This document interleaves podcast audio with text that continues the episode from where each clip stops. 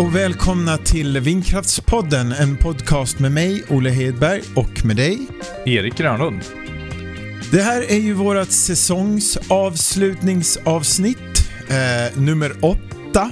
Eh, det har ju varit en väldigt eh, spännande och intensiv eh, höst här och, och, och, mycket, mycket lärorik och eh, vi har ju träffat en, en, en, massa olika spännande representanter ifrån eh, vår eh, kära bransch, så att säga. Hur, hur, tycker du det känns, Erik? Ja, men jag tycker det känns väldigt roligt eh, med den här eh, podden och vi har fått fantastiskt gensvar. Och också väldigt roligt att träffa alla våra intressanta gäster. Så att eh, vi har verkligen fått eh, mer smak och eh, i full fart med att Ehm, planera nästa säsong. Där vi tror att det kommer vara rätt många intressanta gäster. Eh, så att eh, det hoppas, ni, hoppas vi att ni är taggade på att eh, lyssna även i vår. Och det har ju varit också en generellt väldigt intressant höst för vår bransch här. Vi har ju pratat i flera avsnitt om Eh, de industriella aktörernas återkomst på marknaden ehm, och eh, vi kommer fortsätta lite på det temat idag. Eh, vi har sett ett flertal investeringsbeslut så att det finns fortfarande en, ett stort intresse att satsa på mer vindproduktion på den svenska marknaden. Och Eh, många som satsar på ny eh, utveckling och det tycker vi är väldigt, eh, väldigt spännande också att det är många som tror på framtiden och, och ser att det, det finns, det finns troligtvis ett stort behov av ny kraft och att, att vind kommer att vara, spela en viktig roll i, i den energiomställning som vi är inne i just nu. Så att det, det har varit en, en väldigt spännande höst och på visst sätt utmanande också med, med tanke på inflation, höga räntor och så vidare. Men, men ändå att eh, eh, trots det så står vår bransch eh, robust och det finns en framtidstro. Så att eh, det känns väldigt kul att jobba just eh, eh inom den här nischen. Eh, och det har ju varit också en väldigt intensiv och Eh, spännande höst för Nivera Energy, Olle. Vad, hur skulle du kommentera vår, vår uppstart här som vi har haft eh, de, här, de här månaderna? Ja, det har varit eh, väldigt intensivt och eh, roligt. Vi har ju fått förmånen att få förtroende från några utav de, de eh, främsta utvecklarna i, i, i, Sverige får man väl ändå säga. I alla fall de som har eh, störst utvecklingskapacitet och det är jätteroligt att vi har kunnat sluta avtal och eh, komma in där och hjälpa till så mycket som, som det går. Eh, det har ju gått bra. Vi har ju fått eh, igång rekryteringar här och podden vid sidan av och så. Man kan ju inte säga annat än att man är lite mör. Men det är ju så det är också när man startar nytt bolag och det är ju någonting man får räkna med. Men sammantaget så, så är man väl tacksam tycker jag för mottagandet som, som vi har fått. Eh, och vi har ju både ja, i Sverige och diskussioner med, med, med andra aktörer internationellt så, där, så det känns som att vi har en, en given plats här eh, framöver på, på marknaden vilket känns eh, väldigt kul tycker jag. Precis och vi, vi kan ju också, vi har ju avslutat eh, året här med att tillkännage en, en väldigt rolig nyhet att vi kommer att samarbeta med den internationella jätten RVE och eh, implementera eh, den så kallade Nivera-modellen eh, eh, hos dem. Ja, ja, men det är jätteroligt här att få jobba med Frida Godet och, och hennes eh, team eh, som, ja det är väl en stor satsning får man väl då säga på den svenska eh, onshore-portföljen. Och eh, RWE har väl likt många andra utvecklare insett att ja, men vi måste göra mer för att eh, ja, men, matcha in våra projekt i den pågående samhällsutvecklingen och, och, och liksom med hänsyn till de de politiska och emotionella aspekterna som, som eh, vindkraften för med sig. Och i det så är ju vår modell och den här metodiken ett, ett, eh, tror jag är bra verktyg för RWE att, att jobba med framöver. Så det, det, ska bli väldigt roligt att köra igång på riktigt här nu och eh, stärka deras team också. Men du, eh, nu är det nästan jul här. Det är väl tre dagar kvar. Har du, har du hunnit med att julshoppa något där, Erik? Ja, men vi, vi, vi ligger rätt bra till. Vi har no, några kvar och en del inslagning eh, kvar. Eh, vi har haft lite sikt med sjukstugor och sådär så att vi, vi är inte 100% i kapp men vi ligger rätt väl till.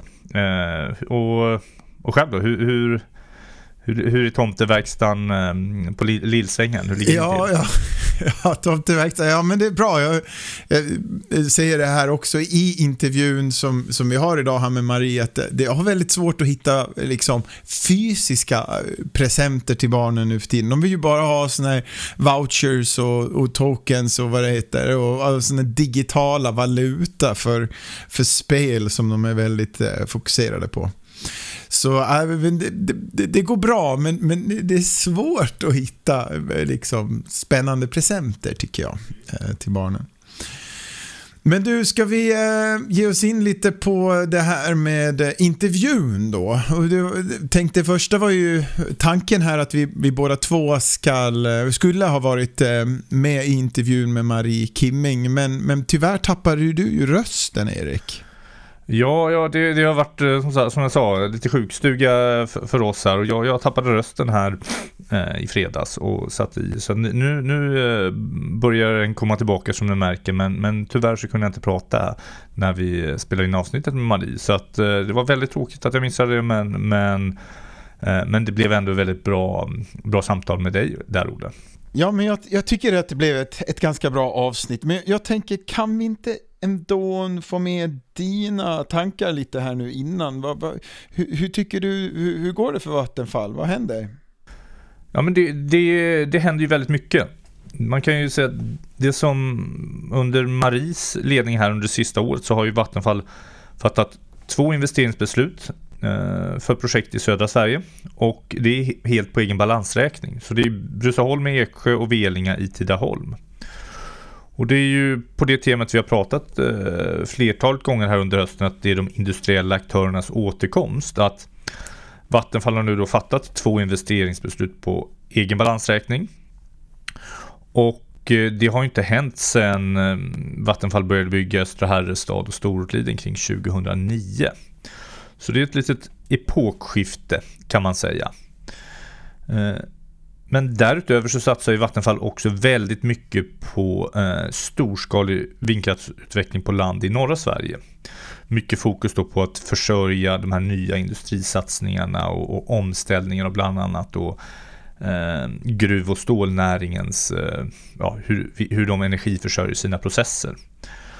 Så att där, där, jobbar ju Vattenfall intensivt med väldigt stora projekt och det är också en, en väldigt intressant eh, händelseutveckling att Vattenfall vänder sig mera hemåt. Eh, tidigare var det väldigt stort fokus på kontinenten, eh, på Tyskland, på eh, havsbaserad vindkraft eh, och nu, nu ser man ju det att det blir ett större och större fokus på, på svenska marknaden. Eh, både när det gäller vindkraft men också väldigt intressant med, med mer satsningar på, på vattenkraft och, och nu senast så mm, ja, gick, eh, går man ju vidare med, med Juktans pumpkraftverk som ett av flera vattenkraftprojekt. Så att Vattenfall eh, vänder blickarna hemåt igen eh, och eh, Sverige blir eh, igen eh, i, i blick, eh, blickfånget jämfört med hur det har sett ut eh, tidigare där det varit väldigt stort, eh, eller nästan huvudsakligt fokus utanför Sverige. Så att eh, det gör att eh, Maries roll blir än viktigare eh, och att Vattenfall just nu är en och kommer även vara framåt troligtvis en, en huvudaktör för den svenska vindkraftens fortsatta utveckling. Jättespännande reflektioner och, och, bra för lyssnaren att ha med sig in i intervjun tänker jag. Men du, eh, ska vi köra igång? Eh, vad ska vi säga om Marie? Marie har en lång akademisk bakgrund. Eh, hon har doktorerat på SLU bland annat. Eh, därefter så har hon arbetat eh, länge på Vattenfalls upphandlingsavdelning. Bland annat som chef för en avdelning som arbetar med, med nya energilösningar. Så som solceller då har upphandlat den typen av anläggningar och system. Sedan ett år tillbaka är hon chef för eh, Vattenfalls eh, landbaserade vindkraftsutveckling i Sverige. Eh, och det är då Sveriges största aktör. Utvecklaren både sett när det gäller till, till antalet medarbetare men även till pipeline.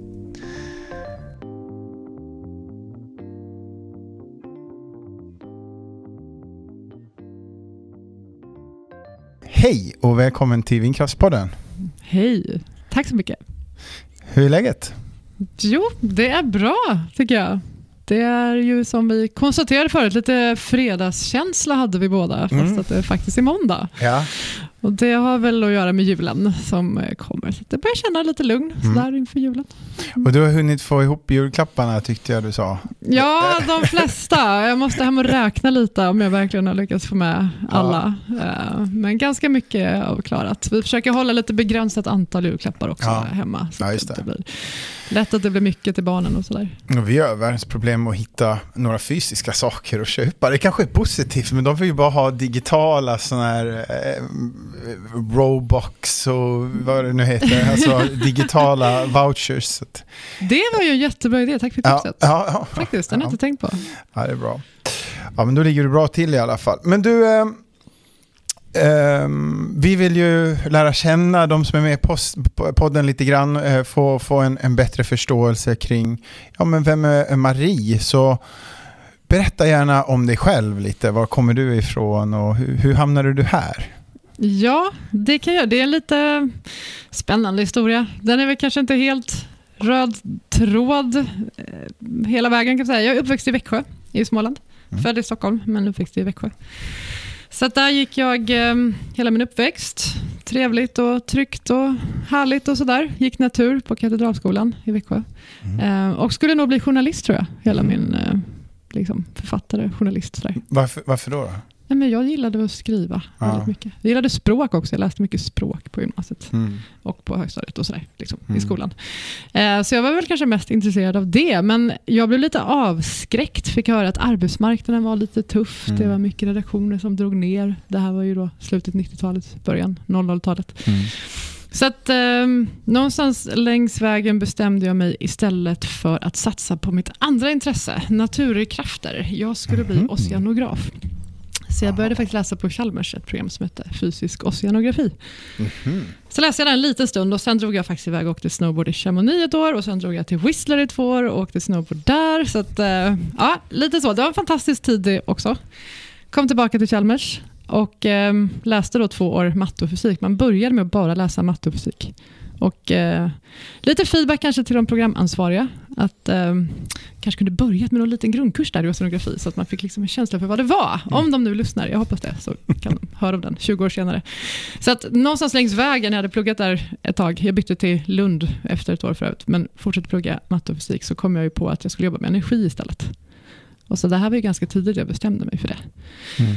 Och funderade på om jag skulle göra mina poäng till en ingenjörsexamen eller hur jag skulle göra. Men det slutade med att jag tog en magisterexamen. Det låter ju väldigt gammal. Det här var ju förr i tiden, höll jag säga. En magisterexamen i fysik med huvudämne fysik. Läste lite ekonomikurser och så också. Jag vävde in i det. Och sen åkte jag till Galicien i Spanien och gjorde ett exjobb. Och då gjorde jag en solcell med en slags laserinduktionsteknik.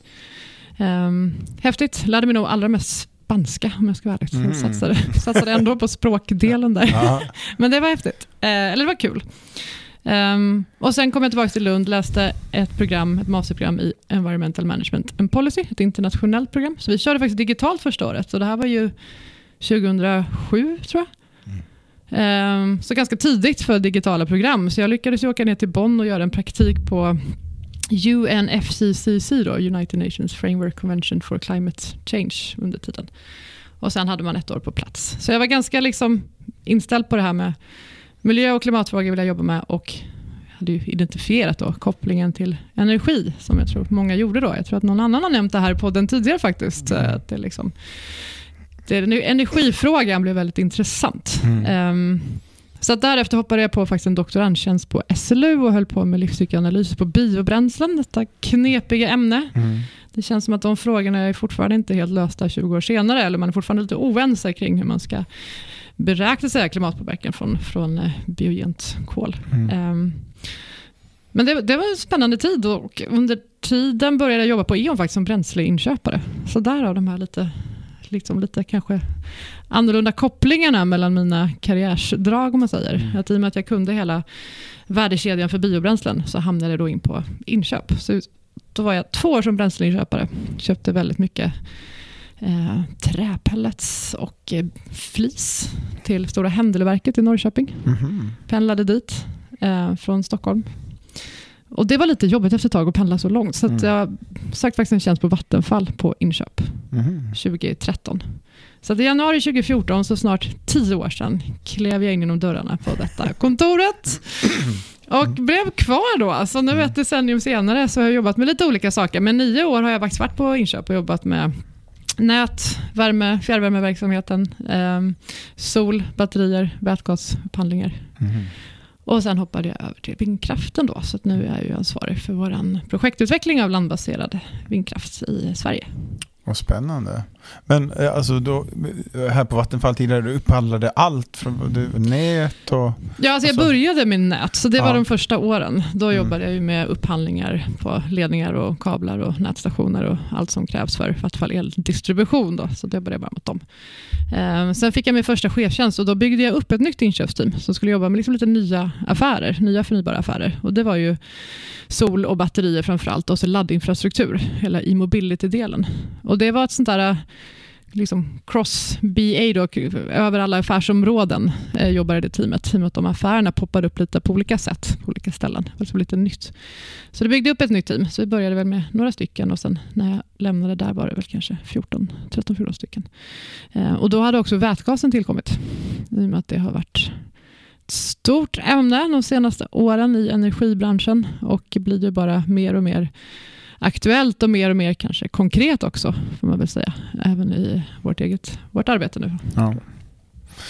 Ja, väldigt spännande bakgrund där. Hur, hur, har det varit att fokusera på vindkraften då? då? Hur, hur länge har du liksom kört det här nu som... Ja, det blir ju ett år ett drygt. År. Mm. Ja, precis. Så att, eh, ja, det var en häftig värld att kasta sig in i, ja. får man nog säga. Det, jag brukar säga det ibland till mina, mitt team, att det är nästan på en existentiell nivå om man säger de utmaningarna som man står inför. Och det är inte helt rätt ord, men jag har bara inte hittat det rätta ordet för ja. det. Jag ska fundera mm. på det vid jul, vad jag verkligen vill säga.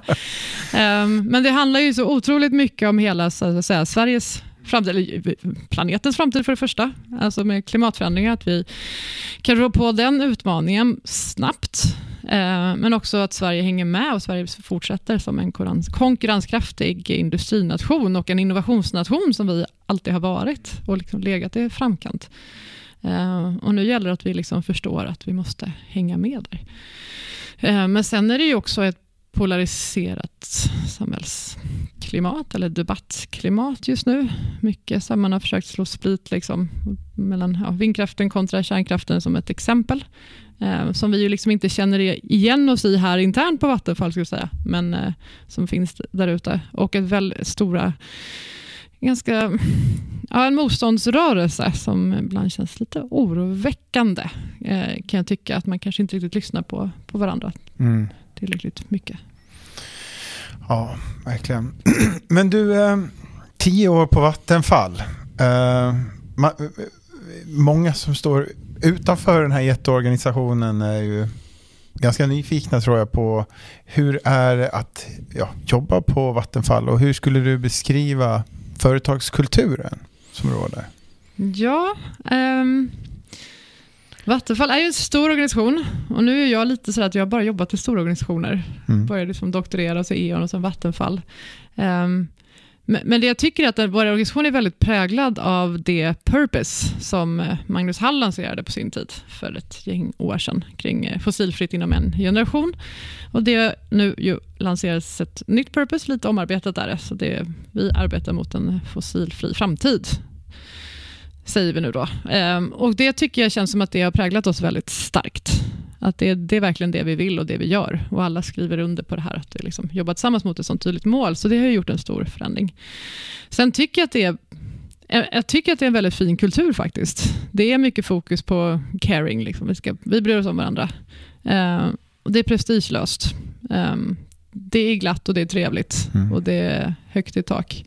Är, är det homogent vad, vad avser åsikter? Utan är det liksom en bred representation där av olika perspektiv och sådär, skulle du säga? Ja, Eller är det mycket konsensus?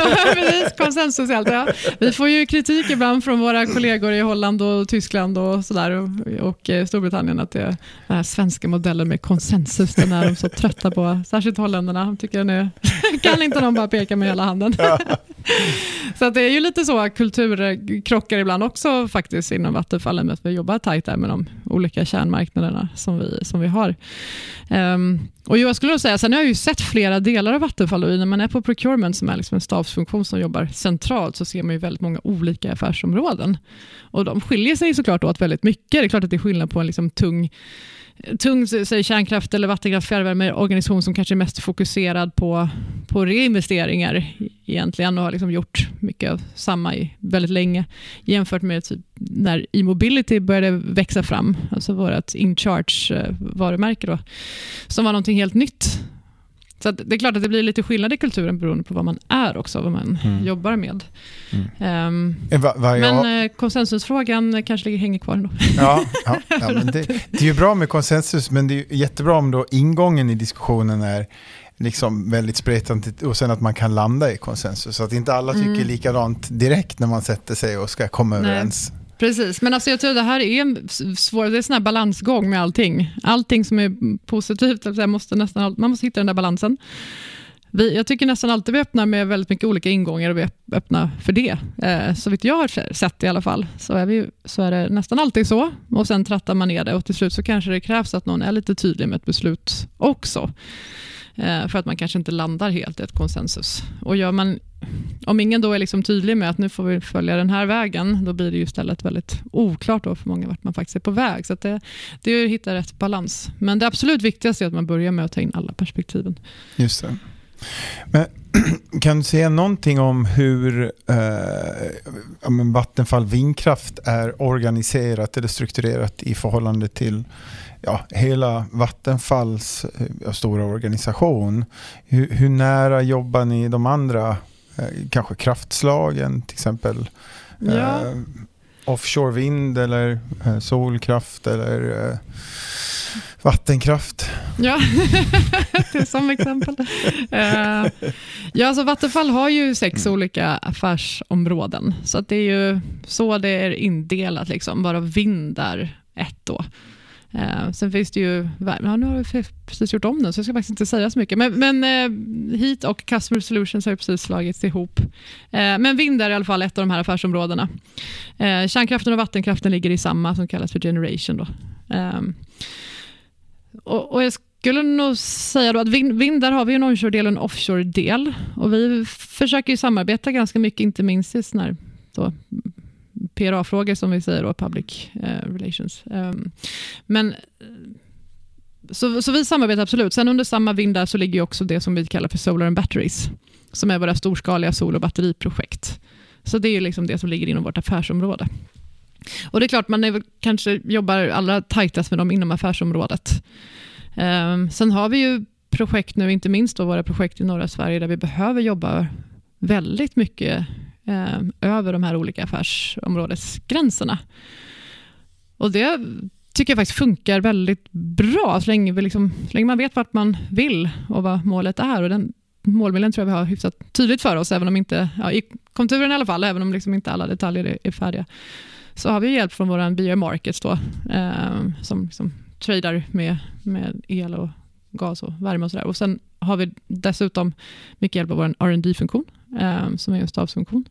Um, vi samarbetar med vattenkraften och har mycket dialog sinsemellan. Mm. Uh, inte minst då kring det som händer i norra Sverige. Just det. Men hur, hur eh, jag tänker då eh, landbaserad vindkraft, är, är den delar av organisationen, eh, är den svensk, eller vad ska man säga, lokaliserad i Sverige, men jobbar ni också med, har ni liksom internationellt utspridd kompetens som är inne och jobbar i de svenska landbaserade Ja, absolut. Precis. Ja. Nu blir det bort med hela den här ja. affärsområdesdiskussionen. Men just på vind, om, mm. om man fokuserar på landbaserad vind, ja. då har vi ju fyra kärnmarknader. Och det är ju eh, Sverige, Holland, Tyskland och Storbritannien. Och I varje, varje land så finns det en sån här market development, som vi kallar det, alltså en projektutvecklingsteam, som är det också teamet som jag leder. Um, och vi tar ju då projekten från de första faserna Eh, alla, alla tidigaste skedena och så hela vägen genom tillståndsprocessen till ett investeringsbeslut så småningom och även genom upphandlingsprocess och så. Tills man har ett eh, FID, liksom, ett investeringsbeslut. Sen tar ju en Project Delivery-organisation över. Och längs vägen då, för då har vi i det teamet har vi projektledare, vi har tillståndsspecialister, kommunikatörer, eh, stakeholder managers som vi kallar det då. Eh, vi har hjälp av miljöjurister. Eh, under den fasen har vi väldigt många olika supportfunktioner som hjälper till längs vägen i de olika faserna. I början kanske det inte är så många och sen när man kommer in i upphandlingsfas så blir det väldigt många som experter av olika slag som, som kommer in. Och nu säger jag fel förresten, PRA står ju för Public and Regulatory Affairs, ursäkta. Ja. Men eh, för att det är väl också en sån där, ja, man har snubblat över att, att det liksom kan ta lång tid ibland i den här organisationen. Att mm. det kanske är så att man ja, får beställa en karta av någon som har en chef någon annanstans. Eh, stämmer den fördomen? Alltså att det, och att det här fördröjer processer och beslut mycket, eller? Alltså det är klart att det har en komplexitet att vi är många mm. och att vi är utspridda, man sitter i olika länder. Eh, det är klart att det tillför en extra dimension jämfört med om man är ett lite mindre bolag och alla kan sitta på samma kontor och kila över till varandra. Så det är ju någonting vi måste jobba kontinuerligt på skulle jag säga. Eh, att de här liksom interfacen funkar och samarbeten funkar. Det mesta löser ju sig med lite samarbetsvilja och lite god planering. Eh, vilket ibland kan vara svårt också i den här branschen. Så att ha en viss också förståelse för bristande planering kan också vara liksom en viktig komponent i det hela. Eller snarare då att man inte har liksom kunnat planera eller att något oförutsett händer. Um, nej men det, det, är absolut en komplexitet, det skulle jag nog säga. Det är ju en styrka, en väldigt stor styrka. Um, inte minst då att de här så att säga, supportteamen vi har som här jobbar internationellt, de jobbar ju ofta då mot alla marknader de lär sig väldigt mycket längs vägen som de kan ta med sig in i, liksom, även i våra svenska projekt. Det är ju jättebra. Det är en styrka. Mm. Absolut. Man får anledning att ifrågasätta vad man, vad man gör. Alltså, ja, exakt. Mm. Precis. Ja, men eh, spännande. Men du var inne på det här tidigare att eh, konflikt i samhället kring vindkraft och kärnkraft. Eh, men att, så att det är inte alls så här, det är främmande för oss. Eh, men man tänker ändå, det finns väl någon sorts kamp kring vindkraften och kärnkraften. För det, det är ju någon sorts intressekonflikt kanske hos er också. I vad ska Vattenfall lägga äggen i? Vilken korg? Ja, alltså jag skulle faktiskt säga att det inte är det kanske förvånansvärt lite kamp, men jag tror det bottnar i att vi har ju en förståelse för att alla kraftslag behövs. Alltså tittar man på de här kurvorna så ryms det ganska mycket där under av alla möjliga kraftslag. Det går liksom inte att lösa med bara ett och också att för ett, säga, ett välfungerande modernt energisystem behöver ju också byggas upp av en portfölj av olika kraftslag. Ja. Så att, eh, jag skulle nog inte säga att det finns en sån kamp, utan vi har ju ett samarbete. Mm. Det låter väldigt bra. Ja, men visst gör det. Men det, ja. det, det är sant också. Funny because it's true. ja, ja. Men om man, om man tittar... Eh, det är ju också så någonting som man ofta liksom stöter på i, i branschen. Är väl, jag, jag, jag tar ju upp lite fördomar här som du kanske ja, men jag märker. Hör det. det verkar finnas många sådana där ute. Ja, som man plockat upp och, och får med sig. och det är ju det här med eh, att Vattenfall är en, statligt ägt och att ja, ibland har man ju hört att det finns ju en, en röd telefon här med en snabb linje från Anna Borg till statsministern och så löser vi problemen ungefär. Så. Ja, om det vore så väl. Det ja, nej, nej, men precis. Men, men eh, eh, alltså, det, det, är ju ändå en, en det, det, ger ju en ytterligare en dimension av kanske komplexitet på något sätt med det här statliga ägandet. Eller vad, vad är din bild av det när ni är ute nu och jobbar och ska utveckla projekt? Mm. Ja, det är en intressant fråga. Ehm, jag har nog inte sett det som en ytterligare komplexitet, utan generellt ser vi det nog mer som en, som mest som en, ja, men som en fördel. Alltså det är lite del av våran USP kan man ju säga. Att vi är ju ett tryggt och långsiktigt val om man säger. Det är lite svårt att argumentera mot. Det har funnits över, Vattenfall har funnits i över hundra år. Elektrifierade Sverige räknar med att det kommer finnas liksom i i eh, århundraden framöver kanske. Eh, så att, eh, det är väl mest så vi har sett det. Sen är ju Vattenfall ett ett bolag, ett affärsmässigt bolag som, som ska drivas, liksom skötas på det viset och vi jobbar på konkurrensmässiga villkor och så, precis som vilken annan utvecklare som helst egentligen. Men som sagt, det är del det är del av fördelarna vi har att komma med skulle jag säga. Mm. Ja, det måste ju skapa en, en trygghet för prövande myndigheter i många avseenden. Alltså just det där med som handläggare vill man ju känna sig trygg med att den som kommer in som sökande eh, att det är en legitim part helt enkelt. Och det finns mm. ju exempel på mer eller mindre legitima utvecklare historiskt sett. Så, så mm. det måste ju vara en fördel där att man, man ja, som du säger, det är ett långsiktigt commitment. Och... Ja, vi har ju sett framförallt eh, så finns det finns en efterfrågan på det där trygga långsiktiga ägandet, om man säger, inte minst från eh, kommunernas sida det har väl kanske väckt, väckt lite oro i, i branschen att uh, man har sålt av uh, ja, men till kinesiska ägare och, och liknande. Och, och, och, Det har säkert fungerat bra många gånger, men att det finns liksom en osäkerhet tycker man i det där. Att det liksom inte stannar ägandet i Sverige. Man kan ju ändå se det som en... Det är ju en väldigt viktig infrastruktur naturligtvis, även om det inte är klassat kanske på samma sätt då som elnäten och stamnät. Alltså sådär, men, men det är ju väldigt viktig infrastruktur. Um, som man kanske ändå vill behålla kontrollen över. Ja. Ja, och eh, en annan sak är väl det här att eh, jag tror många i branschen eh, ofta vill att Vattenfall ska ta lite ledarskapet i, i, i svåra frågor sådär och tydligt ta ställning och riktning och sånt där. Ja, vill de det? ja, det har jag också stött på. Just, just för att ni har den här legitimiteten i, i många mm. sammanhang, inte minst gentemot liksom, ja, men nationell politik. Och de... Mm. Ja, men det kan jag ju förstå i och mm. för sig. Då. Mm. Ehm, förstås, för det finns ju såklart en dialog ja. med ägaren. Nu är inte jag jätteinsatt i Nej. hur ofta, eller var och när, men det är klart Nej. att den sker liksom, ja. mellan Anna Borg och mm.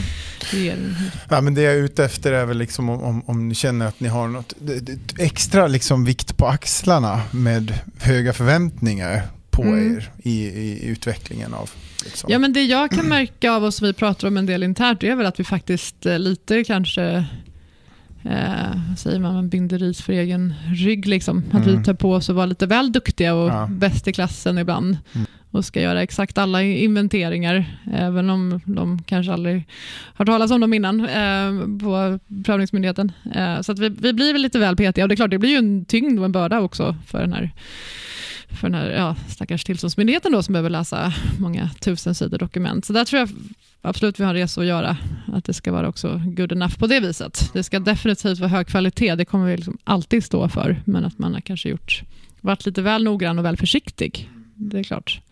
Det kommer med ett ansvar, så, så är det absolut. Mm. Men nu har vi fokuserat mycket på Vattenfall som bolag och utvecklare lite här och Vattenfall Vindkraft. Och tänkte vi skulle gå in och titta lite mer på ja, marknaden och projekten. Sådär.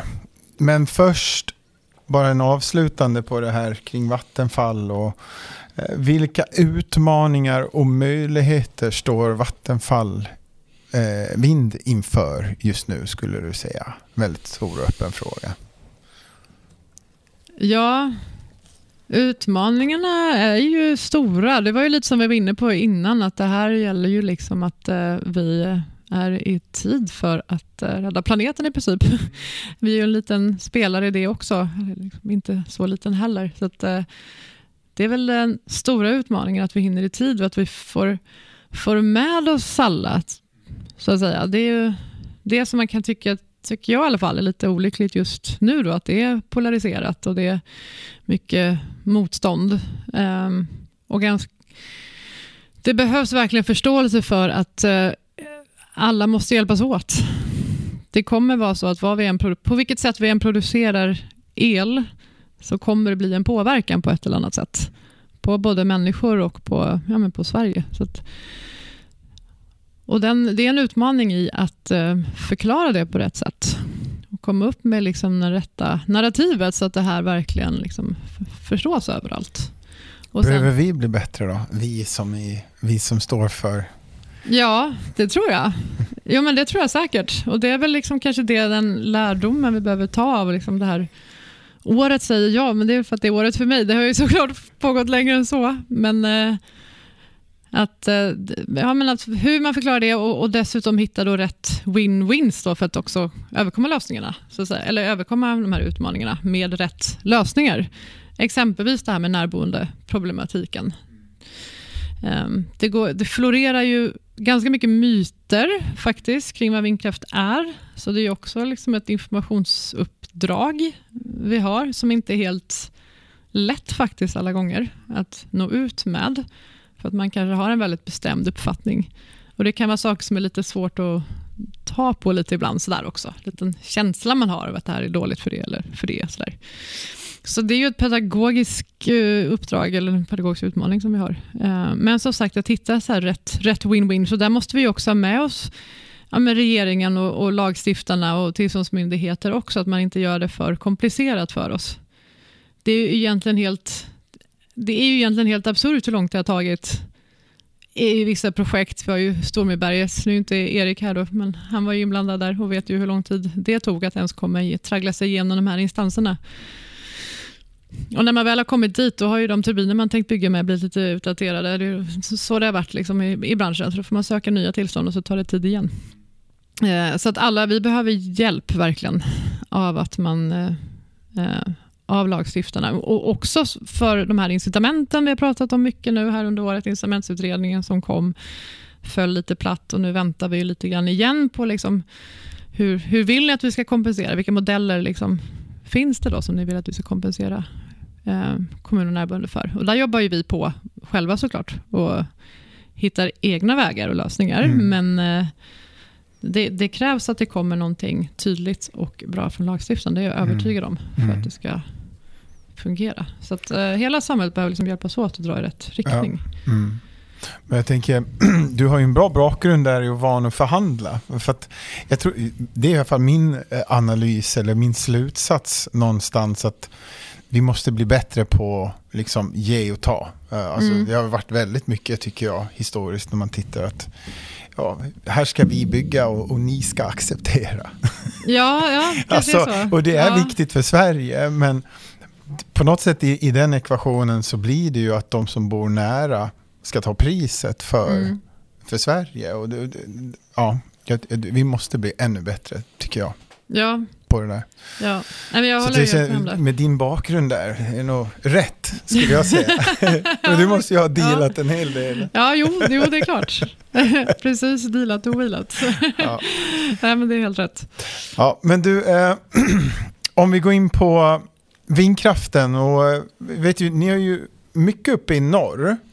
Mm. Och sen är det mycket i söder, om man tittar på landportföljen då. Men inte så mycket i, mellersta Sverige. Nej, EC2 är nästan... nej, det är ju lite roligt när man tittar på vår projektkarta Mm. så har vi ju lite tomt. eh, Men nu, det är faktiskt inte helt tomt eh, Okej. ju längre. Jag säga. Så att, eh, vi jobbar lite där också. Och det, det är faktiskt inte, har aldrig varit så att säga ett medvetet beslut att utelämna en stor del av liksom Mellansverige, utan det har nog lite blivit så då, Ja. kan man säga. Ja. Vi har ju en strategi, mitt team är ju uppdelat i två regioner, så jag har två regionchefer där. Mm. En som ja, i Norrbotten Mm. och en för resten av Sverige. Det. Ja, Så ja. det- Mm. En liten annorlunda indelning av, av Sverige, men, men då ehm, i Norrbotten så har vi just fokus på de här industripartnerskapen då, och den stora omställningen där av gruv och stålindustrin bland annat. Medan i resten av Sverige såklart, det gäller att hitta rätt projekt med eh, bra vind såklart, möjligheter att ansluta och helst inte för många då närboenden som störs och så. Det är svårt att undvika. Men om, om man tar norr först där, alltså det är ju gigantiska planer på ny förbrukning, 100 terawattimmar eller ännu mera. Hur jobbar Vattenfall för att öka produktionen i norr? Ja, En väldigt rak fråga. Ja, men precis. Vi jobbar för det. Ja, nej, men vi, jobbar, vi jobbar hårt med det, det får man ju säga. Vi var ju ute här nu i mars med ett, eh, det är väl den första gigaparken kan man väl säga, ute på samråd alltså, i, ja, med början i mars i, i år, eller under våren. Um, en park som kallas för Storlandet och som i samrådets layout i alla fall um, hade närmare 400 turbiner 373, så den har ju potential att leverera väldigt mycket energi. Sen tror jag inte den blir riktigt så stor i slutändan såklart. För att samrådet har man ju till just för att få in eh, synpunkter och se vad begränsningarna är. Om man säger. Eh, men det, förhoppningsvis så blir det fortfarande en stor park. Och vi tittar på, det är väl lite den strategin vi har känt för Norrbotten, att det är bättre att bygga ett fåtal stora parker eh, och få så att säga, minst påverkan på eh, mark och med intressekonflikter och så. De finns ju ändå, eh, än att bygga många små. Och det blir mer kostnadseffektivt också. Eh, sen är det ju så att det, vi har ju såklart, det finns mycket industri där och vad de vill ha är ju egentligen vätgas. Eh, i de, stora, de stora volymerna skulle vi faktiskt kunna leverera som vätgas och inte som el. Och det är ju egentligen väldigt goda nyheter i och med att man då inte behöver bygga i ett så, ide, idealscenario i alla fall, behöver vi inte bygga så mycket elledningar, Nej. utan vi kan gräva ner vätgaspipes istället. Mm. Som ju är ganska, egentligen ganska enkelt. Det Mm. gör vi ju. Bygga ner, gräva ner rör gör man ju lite Mm. överallt för olika applikationer. Men eh, alla de projekten ni har i norr har ändå en som base case idag anslutning till nätet eller har ni initierat något projekt där ni ser som offtake skulle liksom vara, vara bättre att ha pipelines och där det kanske ja, har problem, problematiska förutsättningar för nätanslutning? Ja, jo, men vi tittar ju på sådana lösningar. Det gör vi ju definitivt. Vi tittar på det. Um, sen vilken liksom del av den värdekedjan vi ska ta, det har vi väl inte helt landat i än. Men vi vill ju definitivt vara en enabler, om man säger, för det här. Och känner väl också där att vi har ett ansvar att ja, men hitta en kostnadseffektiv systemlösning. Sen är det ju väldigt stora investeringar vi pratar om. Alltså det är ett stort system. om man ska få där. Så där, där tror jag inte Vattenfall kan stå ensamma, eller det kan vi ju inte. Nej. Utan det är ju tillsammans med, med eh, industrin och kanske även med andra, annat kapital om man säger. Men så att ni har inte eh, i, i dagsläget påbörjat projektutveckling där liksom huvudspåret skulle kunna vara pipelines så att man har liksom där det inte finns en nätanslutningskapacitet så att säga. Nej, det skulle jag nog inte säga. Nej. Nej. För att om man har det perspektivet så öppnar det ju upp för ännu fler Mm. områden. Ja, verkligen. verkligen. Jag tror vi måste komma lite längre, men Mm. eh, det, dit skulle vi ju definitivt kunna komma. Just det. Eh, vad, du var inne på det tidigare här lite, att det är ja, fördelaktigt med större projekt kontra mindre. Men vilka utmaningar finns det på tillståndssidan uppe i norr? eh, skulle du säga? Vilka är de största utmaningarna? Mm. Det har vi identifierat några och det första är väl Försvarsmakten då. Eh, Det mesta av Norrbotten är ju sån här lågflygszon. Eh, Så finns det ju andra intressen också som vi kanske inte alltid får veta allting om heller. Varför det här var en sån olämplig plats. Sen det. Eh, Och det är väl naturligt att vi inte ska veta allt om hur Försvarsmakten eh, ja, Men vad, de, pysslar med. Men... Funkar inte den där röda telefonen då? Man kan ringa dem och... Nej, de är lite svårflörtade i den röda telefonen. Det, det, är, samma, det är samma för er där alltså? Ja, ja. jo men det, det, det får jag säga, mm. det är lite en utmaning och det mm tror jag väl att eh, jag tror att de har fått indikationer på i alla fall att de funderar nog på sin sida också och har påbörjat en resa där. Eh, det hörde vi ju på vindmässan, inte annat. när Brigadgeneralen var där och pratade. Eh, och även EU är ju rätt aktiva här och våra grannländer är ju ganska duktiga på det. Så att, eh, där ligger vi nog lite efter i Sverige. Och det tar säkert en hel del fokus nu med NATO NATO-förberedelser och sådär. Men, men ehm, det finns en utvecklingspotential kring detta och jag tror det är på väg åt rätt håll mm. i alla fall. Rennäringen har ni, det är väl också? Ja, precis. Ja. Det är ju förstås också en stor mm. sak i hela norra Sverige. Alltså mm. Både Västerbotten och Norrbotten så är det ju ja, men i princip alltid så mm. att uh, vi har rennäring um, på, på markerna. Um, och där gäller det ju såklart att ha en väldigt tidig dialog. Mm. Och jag tycker vi är oftast brukar kunna hitta en lösning och komma överens. Uh, men Sen förstår man det från deras perspektiv också. De blir ju trängda från olika håll, om man säger. Mm. Um, så att även där gäller det att hitta lösningar för sam, samexistens, mm. helt enkelt. Och har ni någon speciell strategi i, i hur ni jobbar med rennäringen? Ja, alltså det... Där sker ju en dialog och vi brukar ju hitta sätt att komma till ett eh, avtal med olika kompensationsåtgärder och så med rennäringen. Sen har det ju, tyvärr har man ju ibland fått hamna i eller har man ju hamnat i domstol och ja, processande och överklagande och så eh, med rennäringen. Eh, men eh, vi har ju här bara i år faktiskt valt att inte överklaga vid två, två tillfällen. Är det väl. Eh, för vi känner att här vill vi hellre komma överens och inte processa. Vi försöker undvika det i den mån vi kan. Så att man får ta en dialog om det istället. Så bör det kunna gå, tycker jag, att samexistera, bara man hittar vägarna runt det där. Alltså, det finns ju någon slags generellt, om man går lite bredare än bara till rennäringen, men så finns det ju generellt någon bild av att vi bygger liksom en industri. Den där skogen, den vackra skogen försvinner och så bygger vi liksom en industrianläggning där. Men så är det ju inte, utan vi skövlar ju lite skog precis där man ska sätta sitt vindkraftverk givetvis och man ska dra fram vägar. Men annars så finns ju liksom naturen och skogen kvar. Mm. Mm. Det får man inte glömma. Nej. En äh, annan spännande äh, fundering där som vi har det är ju att äh, Vattenfall spelade ju en central roll i utbyggnaden av vattenkraften i norr. Vänta, jag glömde faktiskt. Jag hann inte med nu. Vi hade en till intressekonflikt jag ville nämna. Ja, okej. Okay. Mm, ja, ja, absolut. Ja, ja. och det var ju turismen som ja, ja. Eh, vi mm. har också sett, inte minst uppe i norr. Ja. Jag vill bara slänga in en blänkare här, för det kopplar lite grann till det här med Försvarsmakten lite grann också. För Just det. Swedish Lapland är ett väldigt starkt varumärke, ja. inte minst i norra Sverige, eller i mm. Lappland givetvis, äh, i norra Sverige. Um, och därför man, man drar ju väldigt mycket internationell turism till när liksom slädturer ut på fjället och man säljer liksom norrskensupplevelser och så. Och de har ju identifierat att det här kan vara svårt att kombinera med vindkraftverk, inte minst då när de står och blinkar. Så det är ju såklart en av våra prioriterade områden och jag tror för alla utvecklare att uh, få till mer modern teknik där med uh, behovsstyrt och du vet det här transpondrar och att vi, de inte ska behöva stå så. Och det, det här är ju, stör ju närboende också. Det är också en problematik för närboende som känner att de har liksom en julgran ute. Och det, det, det är ett sånt lättlöst problem ja. egentligen. Så att man, det är väldigt frustrerande. Ja, det är nästan pinsamt. Ja, men precis. Ja, det är nästan lite pinsamt om man inte har kommit längre i den.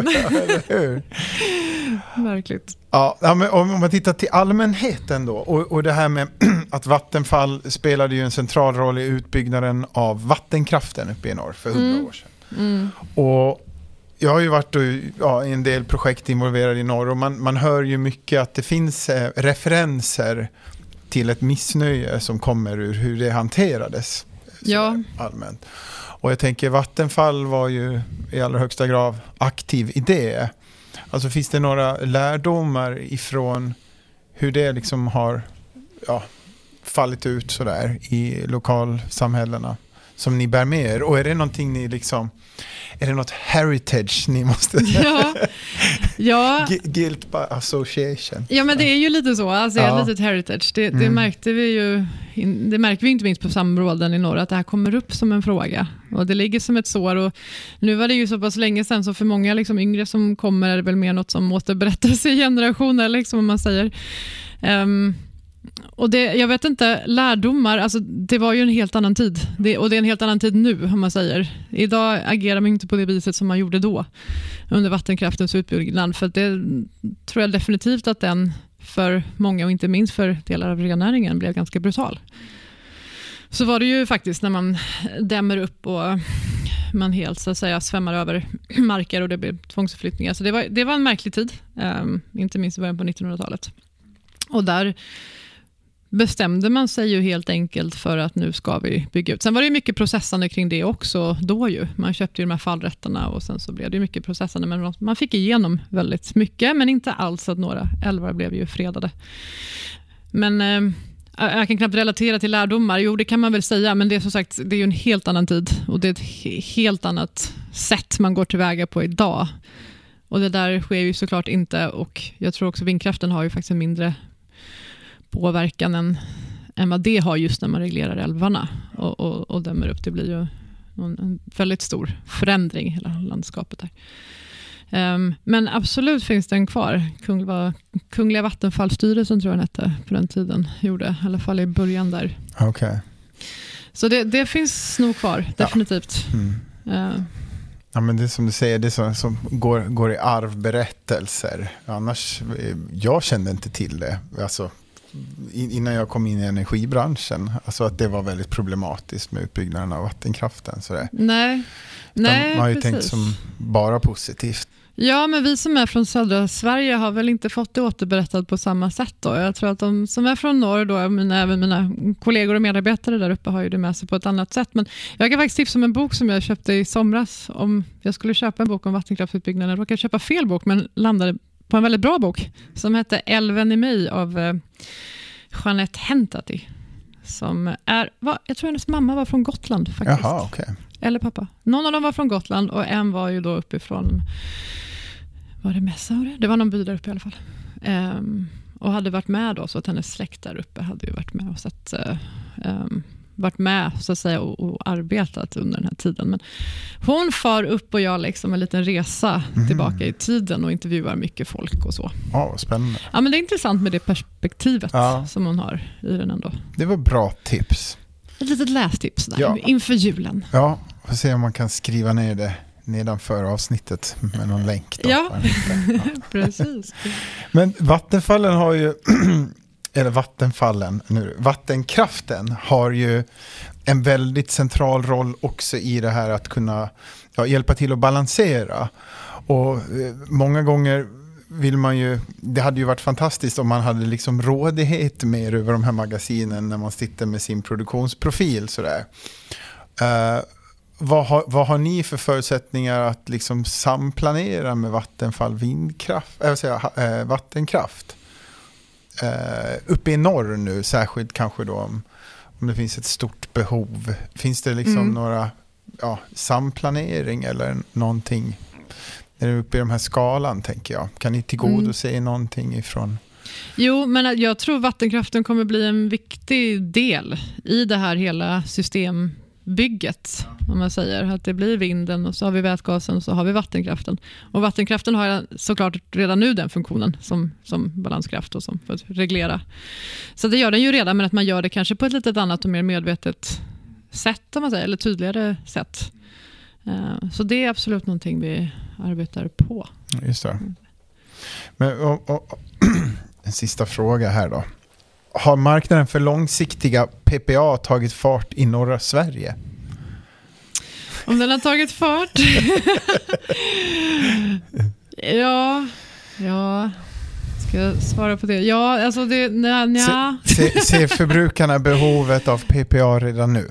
Ja, det gör de nog. Mm.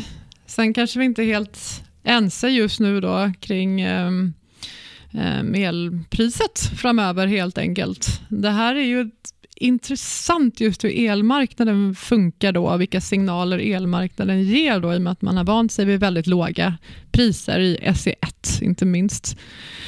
Um, och även i SE2. Uh, ehm, mycket av det vi pratar om nu för övrigt med vätgasutbyggnad och så där, det kommer ju hända i SE2 också tror jag. Men, uh, så man har vant sig vid väldigt låg prisnivå baserat på liksom befintliga kraftkällor, givetvis ett stort liksom överskott av vattenkraften där uppe. Um, och kanske inte riktigt än, vi har inte kommit dit i förhandlingen än, mm. om man säger så, att man inte riktigt har förstått det än, att när vi bygger ut ny kraft, landbaserad vindkraft är ju det billigaste kraftslag vi kan bygga nu. Och det har en bra kostnadsprofil om man säger, om man har ett bra vindläge och allt det här. Och kan bygga vätgas istället för el kanske och så. Um, men det är ju fortfarande kanske lite mera, en bit mera än vad de betalar befintligt idag. Och den tror jag inte riktigt har landat faktiskt. Och ja, men det är ju inga, nu har jag ju läst fysik, då pratar man bara storleksordningar. Vi pratar inte skillnader i storleksordningar, utan vi pratar ju liksom ändå um, men vi pratar ändå om att man måste vänja sig vid ett lite högre vindkraft, för, ett lite högre elpris för att vi ska få till någon utbyggnad. Ja. Det är liksom ofrånkomligt. Mm. Så att, eh, där kunderna måste, måste helt enkelt eh, inse det. Ja, ja. Men du, eh, vad händer i södra Sverige då? Vad, vad ser du för utmaningar där i, i portföljen? Ja, södra Sverige är ju väldigt spännande för oss nu då, i och med att vi har tagit två investeringsbeslut här under 2023 i södra Sverige. Så ett för Brusaholm i Småland och så ett för Velinga i, eh, i Västergötland.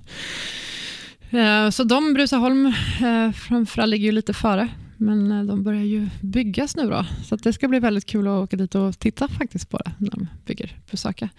Eh, och vi i Brusaholm har väl dessutom tagit investeringsbeslut för ett batteri då, som kommer ligga i anslutning till parken. Så det blir, det blir spännande. Eh, vi har några andra projekt också. Vi har ett på Gotland bland annat. Eh, vi, har, vi har ju delvis samma utmaningar, Försvarsmakten såklart, inte minst på Gotland.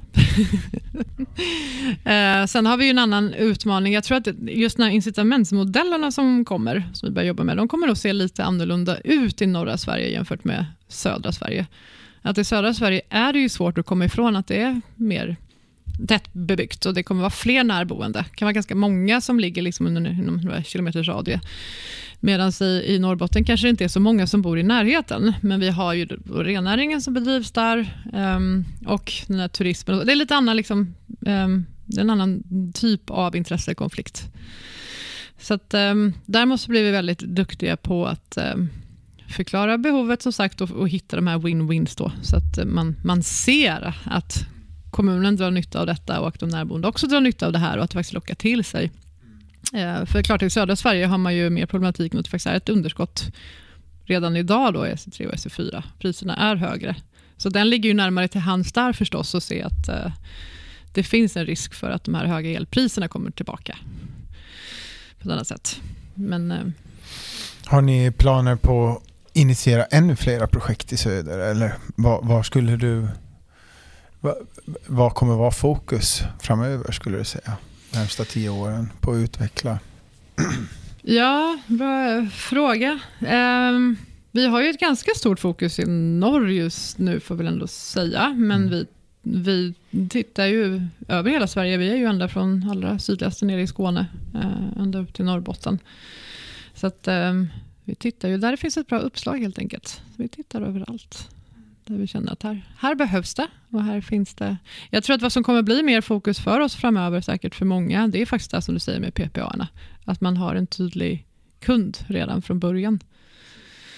Som liksom vill betala rätt pris och ha den här liksom mm. säkerheten.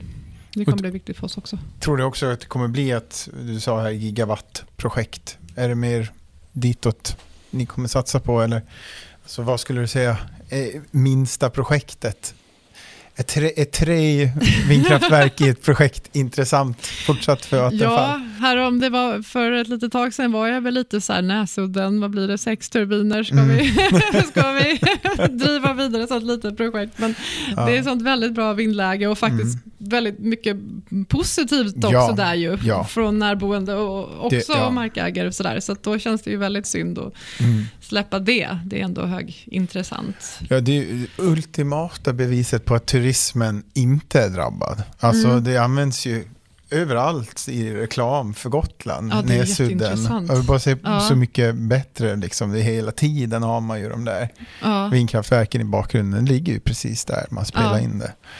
Och det finns ju ingen korrelation där mellan att folk inte åker till Gotland och att man bygger mer vindkraft. Nej, det var jättebra poäng alltså. Det har jag aldrig Mm. hört någon säga. Jag tror jag skippar Gotland i år, Stockholmsveckan, för att Ja. det är för mycket vindkraftverk. Men det kanske de säger, jag vet inte. Men eh, Ja. aldrig hört det i alla fall. Nej, men det finns faktiskt en studie som är gjord av en tjej som gick på det här med masterprogram på Gotland. Mm. Hon, jag tror hon hade, om inte jag minns fel, sa jag, flera tusen respondenter. De frågade alltså folk som kom till båtterminalen, var där och sen folk som åkte, som Mm. till och från då. Och eh, jag kommer inte ihåg exakta slutsatserna, men det är ju en väldigt liten del som liksom, ja, jag skulle inte kunna åka tillbaka hit på grund av vindkraften. Det Nej, var väl försvinnande liten, medan en stor majoritet var ju positiva till det. Ja, Liksom. vad intressant. Ja, den är Ja. faktiskt ganska bra. Jag har använt den ganska många gånger när kommunerna har varit oroliga över Mm. att ja, men folk kommer inte komma hit längre. Mm. Men där har man ett ganska bra dataunderlag för det där. Och Mm. det, alltså, det är ju ingen som tänker att vi kan inte åka till Gotland för vindkraften. Nej, det- exakt. Och som vi har resonerat lite i teamet, även om vi inser att vi är lite biased eh, kanske då, Ja. men att man snarare tänker att här kommer jag till ett ställe där man har liksom ren och förnybar Ja. energi och att det liksom är lite fint. Precis. Om man säger. Ja. att det faktiskt kan vara ganska läckert. Alltså åker man runt i Västerbotten, våra projekt där uppe. Alltså, jag tycker de är väldigt vackra. Ja. så det blir fint när de sticker upp över trädtopparna och att man ser Ja. just det där. Ja. vi liksom nyttjar naturkrafterna, det är en väldigt naturlig liksom, Ja. ren källa. Vilket är väldigt Ja. fint. Verkligen. Jag växte ju upp på en gård där på Gotland och han, eh, det var, han som hade gårdens bror hade ett av de första vindkraftverken på, på norra Gotland. Mhm. Och det var ju, när vi var barn, det var ju det coolaste som fanns. Gigantiskt vindkraftverk, det var jätteliten, det var en V33 tror jag, sånt där. Alltså väldigt litet vindkraftverk. Men, men det var ju spännande och häftigt och det tyckte alla där. Så. Ja. Så det har ju blivit någonting annat. Vi var inne på det lite tidigare, eller du nämnde det, att eh, landbaserad vindkraft är det billigaste kraftslaget. Samtidigt har vi ju haft eh, inflation, alltså stigande priser. Är det fortsatt lönsamt med ny vindkraft skulle du säga?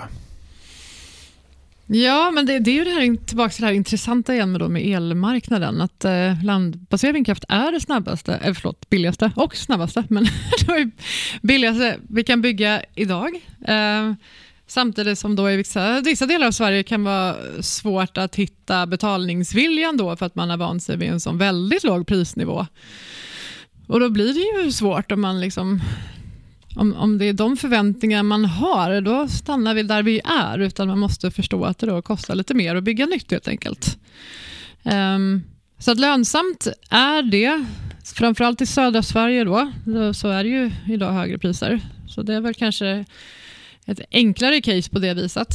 Um, och i norra Sverige så tror jag verkligen att där har vi ju, de stora kunderna måste förstå att uh, det krävs ett, det, det är ett annat pris som gäller för att kunna bygga ut.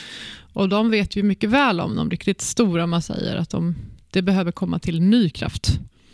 Det är de ju väldigt tydliga med också. Och Det är vi ju glada för och de vet ju också att det är landbaserad vindkraft som är det billigaste och det snabbaste. Så de har ju varit tydliga ute i media, många, och, och tryckt på kring att nu måste liksom sätta fart. Men de också måste ju då förstå att vi måste ju ha så att säga, täckning för kostnaden att bygga. Hur, hur står sig svenska projekt jämfört med projekt på Vattenfalls andra marknader? Du sa ni var på fyra marknader va? Ja, precis. Ja. Ehm, det, det är lite svårt att svara på det. det. Det är en väldigt het marknad i Tyskland just nu. Mm. Ja, jag förstår mig. Den är, den är väldigt intressant faktiskt. Panik. Att, eh, ja, exakt. Den är ju nästan lite panikslagen. Så att, eh, vi eh, raddar ju upp väldigt många nya projekt där Mm. i och med att man har då liksom lagt en struktur som gör det enklare helt enkelt att komma fram och det går snabbare. De har en liten annan tillståndsprocess där också. De gör saker i lite annan ordning. Ehm, men där skulle jag nog säga att det är den som är den hetaste marknaden för oss. Man säger. Sen, um, Nederländerna, är också intress- Nederländerna är också intressant och har ett behov, men där börjar det bli lite trångt också. Eh, och det är också en del intressekonflikter i Storbritannien. Men eh, det är inte jättelätt överallt, men jag skulle nästan säga faktiskt att vi kanske har den tuffaste utmaningen i Sverige. Nu är jag kanske lite ute på hal men jag tror nästan det och det är just för det här dilemmat vi har då med en historik av väldigt låga elpriser. Ja. Som man inte har på samma sätt liksom, på kontinenten eller i Storbritannien. Nej. Men, men vi har det här jättebehovet. Men det är svårt. Men ett jättebehov, ja. precis. Men det är mycket också de här, vi var inne med vi pratade med Newsec om prisprognoserna. är ju fortfarande liksom inte riktigt, bottnar ju inte i det här behovet. Men, Nej. Så det är ju svårt där när man tittar på kalkylen och man har en, en sån mm. prisprognos som kanske inte liksom beaktar här de mm. prisstegringar som faktiskt kommer bli om det här stora behovet Ja men verkligen, och det beror ju så mycket på hur det går i takt också. Att I och med att det är sådana stora liksom step changes nästan, så ja. liksom lite binärt. Antingen händer det inte och då ser det ut så här, eller så händer det och då ser det ut så här. Och så måste man ju matcha, alltså våra investeringsbeslut måste ju gå i takt med industrins investeringsbeslut, annars blir det väldigt tufft för, för någon av oss. Antingen för dem eller för oss. Uh, så att, um, ja, det, det, är väldigt svårt. Det är en svår epok för uh, prognosmakarna. Ja. Ja, men, uh, Spännande. Eh, jag tänker en sista där. Du har ju en bakgrund inom upphandling. Sådär. Kan, kan du nämna någonting om hur Vattenfall jobbar med upphandling? Hur, hur går det till? Ja, jag kan nämna hur mycket som helst. Men eh, vi har ju en stor organisation faktiskt för upphandling på Vattenfall. Det är väl dryga 200 personer. En, en central funktion då. Eh, som jag skulle säga är väldigt professionell och väldigt bra. Eh, så att vi har ju ett inköpsteam också som jobbar mot just landbaserad vindkraft. Eh, ett internationellt team faktiskt. Sen är det en svår marknad faktiskt. Alltså den är, utifrån min eh, erfarenhet av upphandlingar, även om jag har varit inom flera olika delar då, man säger inom energibranschen, så är det ju ofta en liksom relativt likvida marknader om man säger. Det finns ett utbud, du kan göra en konkurrensutsättning. Ja, men ta solpaneler till exempel. Det finns ju ett antal jättestora producenter och det sätts i princip nästan som på börsen det priset. Mm, du får mm. liksom aldrig mer än priset som gäller kanske tre dagar framöver eller någon vecka eller så. Ja, för att, ja. Ja, det ändras utifrån råvarupriser och sådär. Den är väldigt tydlig, liksom transparent på det sättet, även om det kan fluktuera såklart. Um, men uh, turbinmarknaden är ju speciell just i och med att det alltså, har ju exploderat de senaste decennierna, så det har skett en snabb teknikutveckling. Och att det är en ganska komplicerad produkt och väldigt stor produkt. Alltså det måste anpassas till projektsajten. Vilken passar bäst här för den här vinden och den här topografin och liksom allt vad det är. Så man måste ju ha väldigt stort, liksom, man måste vara väldigt involverad med sina leverantörer. Och så finns det ju inte på det sättet så, så många. Det går liksom inte bara att gå ut brett och så säger vi, ja men bra, du, du var bäst. Utan det krävs mycket mer samarbete. Och där tycker jag vi blir bättre och bättre hela tiden också på att eh, förenkla våra processer, förenkla våra krav och verkligen visa förtroende för våra leverantörer, vilket jag tror är jätteviktigt.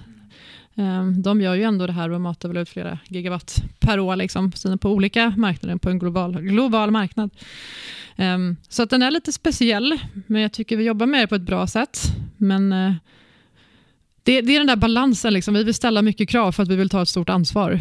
Vi måste ju vara jättenoga. Liksom. Miljömässiga krav och inte minst säkerhetsmässiga krav. Och har man mycket experter själv, det klart, då sätter man gärna kraven själv också. Um, men, um, så det är en balans faktiskt. Ja. För, att, för att de inte ska tycka att vi är för jobbiga. Det ja. finns nog de som tycker vi är lite för jobbiga. Det, men, men det var ju spännande. Säkerhetsmässiga krav och miljömässiga krav.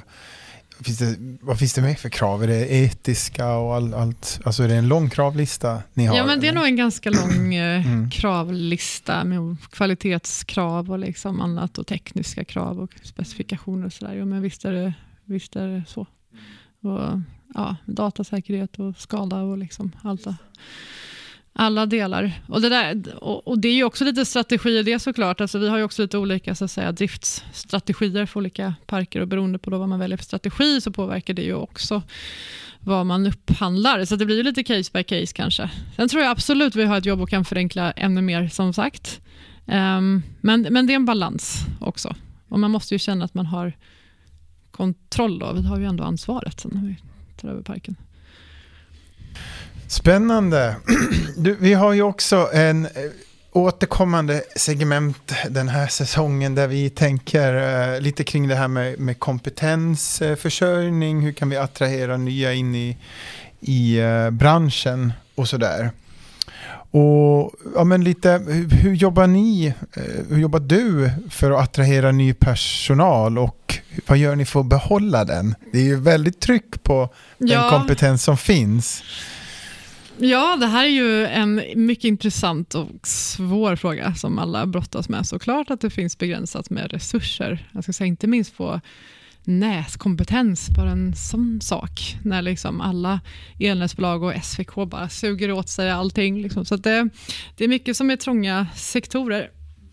um, alltså dels gör vi väl det som alla gör, alltså vi jobbar ju väldigt mycket på Vattenfall med employer branding. Det gör ju inte specifikt mitt team då, men det görs ju på ett professionellt sätt. Jag tycker de är duktiga, för vi kommer ofta väldigt högt i sådana rankingar. Så det är ju, det är ju fint. Sen har vi ett internationellt traineeprogram. Vi är ute på mässor och, och så och försöker ju liksom sprida brett säga, när vi rekryterar. Um, det, det vi kanske landat i lite så mer i mitt team är ju att vi det kan vara svårt ibland att hitta exempelvis då seniora, liksom, färdiga projektledare Även om det nu finns ju andra branscher som inte går riktigt så bra. Så att dels är det ju det man får plocka över från andra branscher, som fastighetsbranschen till exempel, som, som har det lite tufft nu. Um, men, men att vi också tar in liksom lite yngre förmågor. Vi har inrättat en roll som vi kallar för assisterande projektledare, så då hjälper man till med mycket av liksom administrationen i projekt till en början och liksom successivt jobbar sig upp till att ta mer och mer ansvar och mer svårare uppgifter. Så att man efter ett par år då blir en duktig projektledare. Och då hoppas vi att de har landat som vattenfallare, som många av oss gör, att man blir kvar. Det är lätt att bli kvar här faktiskt. Eh, har man väl kommit över den där första tiden så är det väldigt lätt att känna sig hemma. Vi har ju en egen idrottsorganisation och det händer väldigt eh, mycket och man kan utvecklas i väldigt mycket många olika riktningar. Nu, mm. nu gör jag reklam lite här, det kanske inte ja, men du det, vill. Det, det, men är eh, jag vill, ja, ja, jag ville bara säga det. Gör det. Det är ju väldigt många, våran eh, det finns ju de som har varit här i 40 år. Så med mitt, med mina 10 år på Vattenfall är jag ju fortfarande lite sådär newbie. Ja. Liksom. Ja. Att, eh, många landar här för att stanna, ja. för att det blir liksom aldrig tråkigt. Nej. Det händer saker hela tiden och jag tycker Vattenfall är duktiga på att ligga i framkant faktiskt och vara mm. med där det händer. Men, gemenskap, så känner man det med sitt team då, som du, du var inne på? Du har ju ett team som du leder. Har ni en gemenskap som ni vårda på något sätt? Eller? Ja, men det tycker jag. Mm. Alltså, det är ett jättehärligt eh, team. Alltså, vi har hur mycket kommunikationstrådar som helst igång samtidigt, på säga. Det är Teams och WhatsApp och vi har lite morgonkaffe varje morgon klockan kvart i nio. Som inte alla kan dyka upp på varje dag såklart. Det hade blivit väldigt mycket med 30 i ett eh, så, men det kanske blir så här 4, 5, 6, 7 ibland. Mm. På fredagarna blir det ofta lite fler. Ja, ja. blir vi kanske på 10 personer.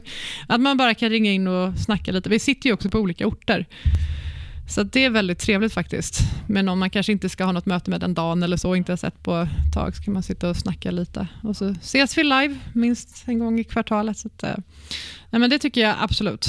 Och det är en väldigt viktig del av hela liksom, Vattenfallsfilosofin såklart. Man ska känna sig hemma. Och det ska vara och om det är någon som, som lyssnar här och eh, kanske är precis ny i branschen och vill liksom komma in på Vattenfall, har du något tips?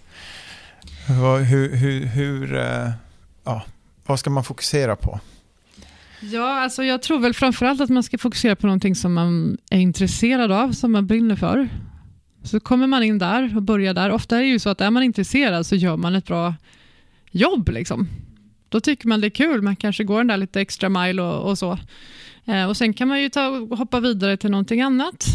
Och lite beroende på vad man är intresserad av då, om man vill göra karriär med sig inom Vattenfall så finns det ju olika spår. Alltså man kan gå den traditionella, eller vad man ska säga, ledarskapsvägen och, och bli chef och sådär, men också expertvägen. Um, och det tror jag, här har man ju liksom tid att landa också, som sagt. Du är ny på Vattenfall i tio år minst och du kan vara kvar länge och man kan träffa otroligt mycket folk och vara helt olika typer av organisationer som sagt också. Alltså, det är klart, som, som sagt, är man på kärnkraft eller vattenkraften så är det någonting helt annat än att vara inom eh, liksom, solaffären från, för B2C. Liksom. Så att det, det finns otroligt många olika utmaningar man kan ta sig an. Men att man liksom hinner verkligen landa och kanske och fundera själv på vad man, vad man vill, vilket spår man själv som passar en själv. Mm. Det tror jag är väldigt viktigt. Mm. Vi, vi, brukar också ha en fråga, det är det här Ja, men för de, återigen då kanske som är lite yngre och, och, det är också spännande för oss andra att höra. Är det någonting du ångrar i din karriär som du skulle ha gjort annorlunda eh, när du tittar tillbaka på den? Sådär, val som du har gjort i din Ja, alltså jag har inte karriär. tänkt på det på länge, men nu när jag funderar när jag pratar om det, jag läste oceanografi ett tag, så har jag faktiskt funderat ibland på om jag hade fortsatt att vara blivit oceanograf då, mm. och inte hoppat in på energi. Vad hade, vad hade hänt då? Det kan jag mm. fundera mm. på. Jag ska inte säga att jag ångrar det, Nej. jag kanske hade landat på Vattenfall ändå. För mm. Mm tror vi har oceanografer anställda här. Mm. Men, men eh, det är väl något jag funderar på. Och sen när min son, min sexåriga son, frågar mig vad som är mitt favoritkraftslag så har jag lite svårt ibland att inte svara vattenkraft. Faktiskt. Då känner jag så här, borde jag svara? Jo, ja, ja, ändå. Och då kan jag väl känna lite så här, jag kanske borde jobba med vattenkraften liksom, ja. någon gång. Men det, det, är inte heller någonting jag ångrar, det ska Nej. jag inte säga. Nej. Men det är någonting jag kanske har framför mig någon gång i, i, framtiden. Ja. Som sagt, jag har bara varit här i tio år, så det är ju decennier kvar ja. på mig förhoppningsvis. ja. Jag kan utforska det också. Ja. Ja, men jättebra. Vi har, vi har en sista fråga här som vi ställer till alla våra gäster. Samma. Och eh, Erik han har lagt till någon sån här, jag vet inte, fornsvenska, så han säger finge. Om du... Så de pratar i Skövde. ja, jag tror det. Det kanske är det. Ja. Om du finge vara en komponent i ett vindkraftverk, vilken komponent skulle du vilja vara då och varför? Ja, alltså nu har jag ju lyssnat på alla era tidigare avsnitt, så jag visste ju att den här skulle komma, ja. såklart, den här frågan. Jag funderade på det. Men jag tror det har ändrat den också, vindkraftspark, man kan välja mycket där. Men jag har faktiskt landat i att eh, vad jag skulle vilja vara då, kopplat tillbaka lite till det vi pratade om innan, en sån här transponder. Eh, det är alltså då en, en liten pryl som inte finns än på vindkraftsparkerna. Men jag fick vara en lite sån här tyst och osynlig transponder som sitter högst upp på nacellen någonstans och bara väntar på att det kommer ett spännande flygplan så den får signalera, men sitter liksom tyst och stilla där uppe. Mm. Och så kan man liksom bara sitta där då och titta på utsikten. Och liksom bara njuta av den här vackra utsikten Aha. som man garanterat har egentligen var man än mm. är i landet. Så mm. på den höjden så har man en väldigt fin utsikt. Ja. Bra svar. Och eh, stort tack Marie för att du kom till Vindkraftspodden. Tack så mycket.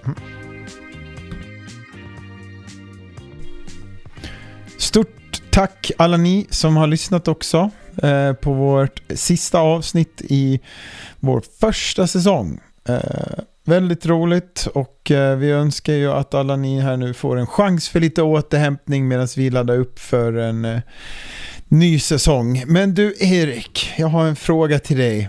Om du finge vara ett komponent i ett vindkraftverk, vad skulle du vara då och varför?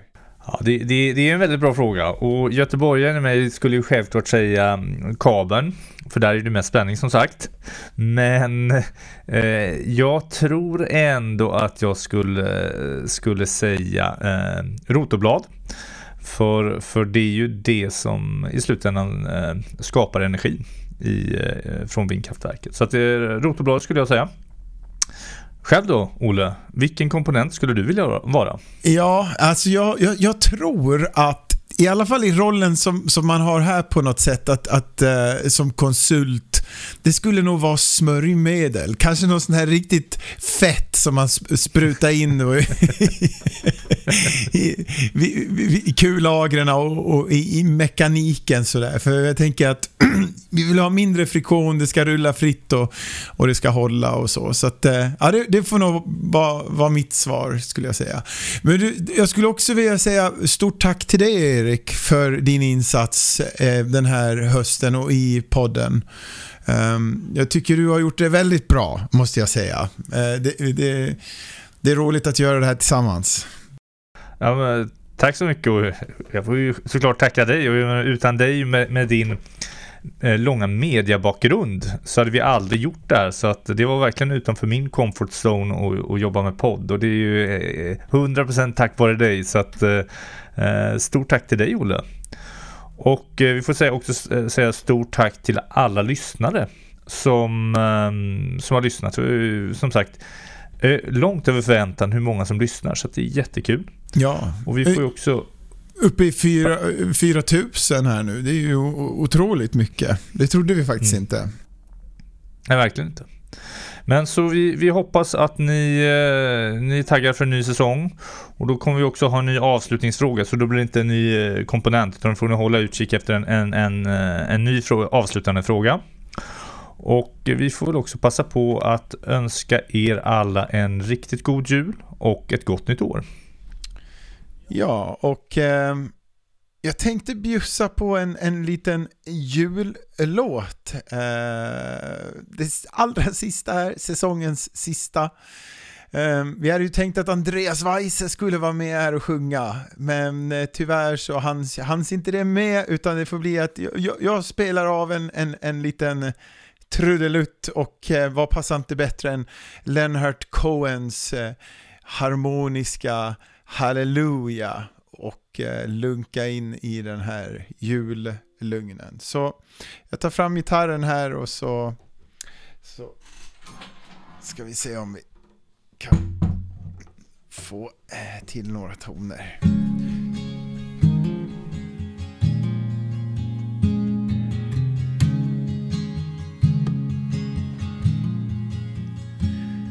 I heard there was secret chord that David played and he pleased the Lord. You don't really care for music, do you?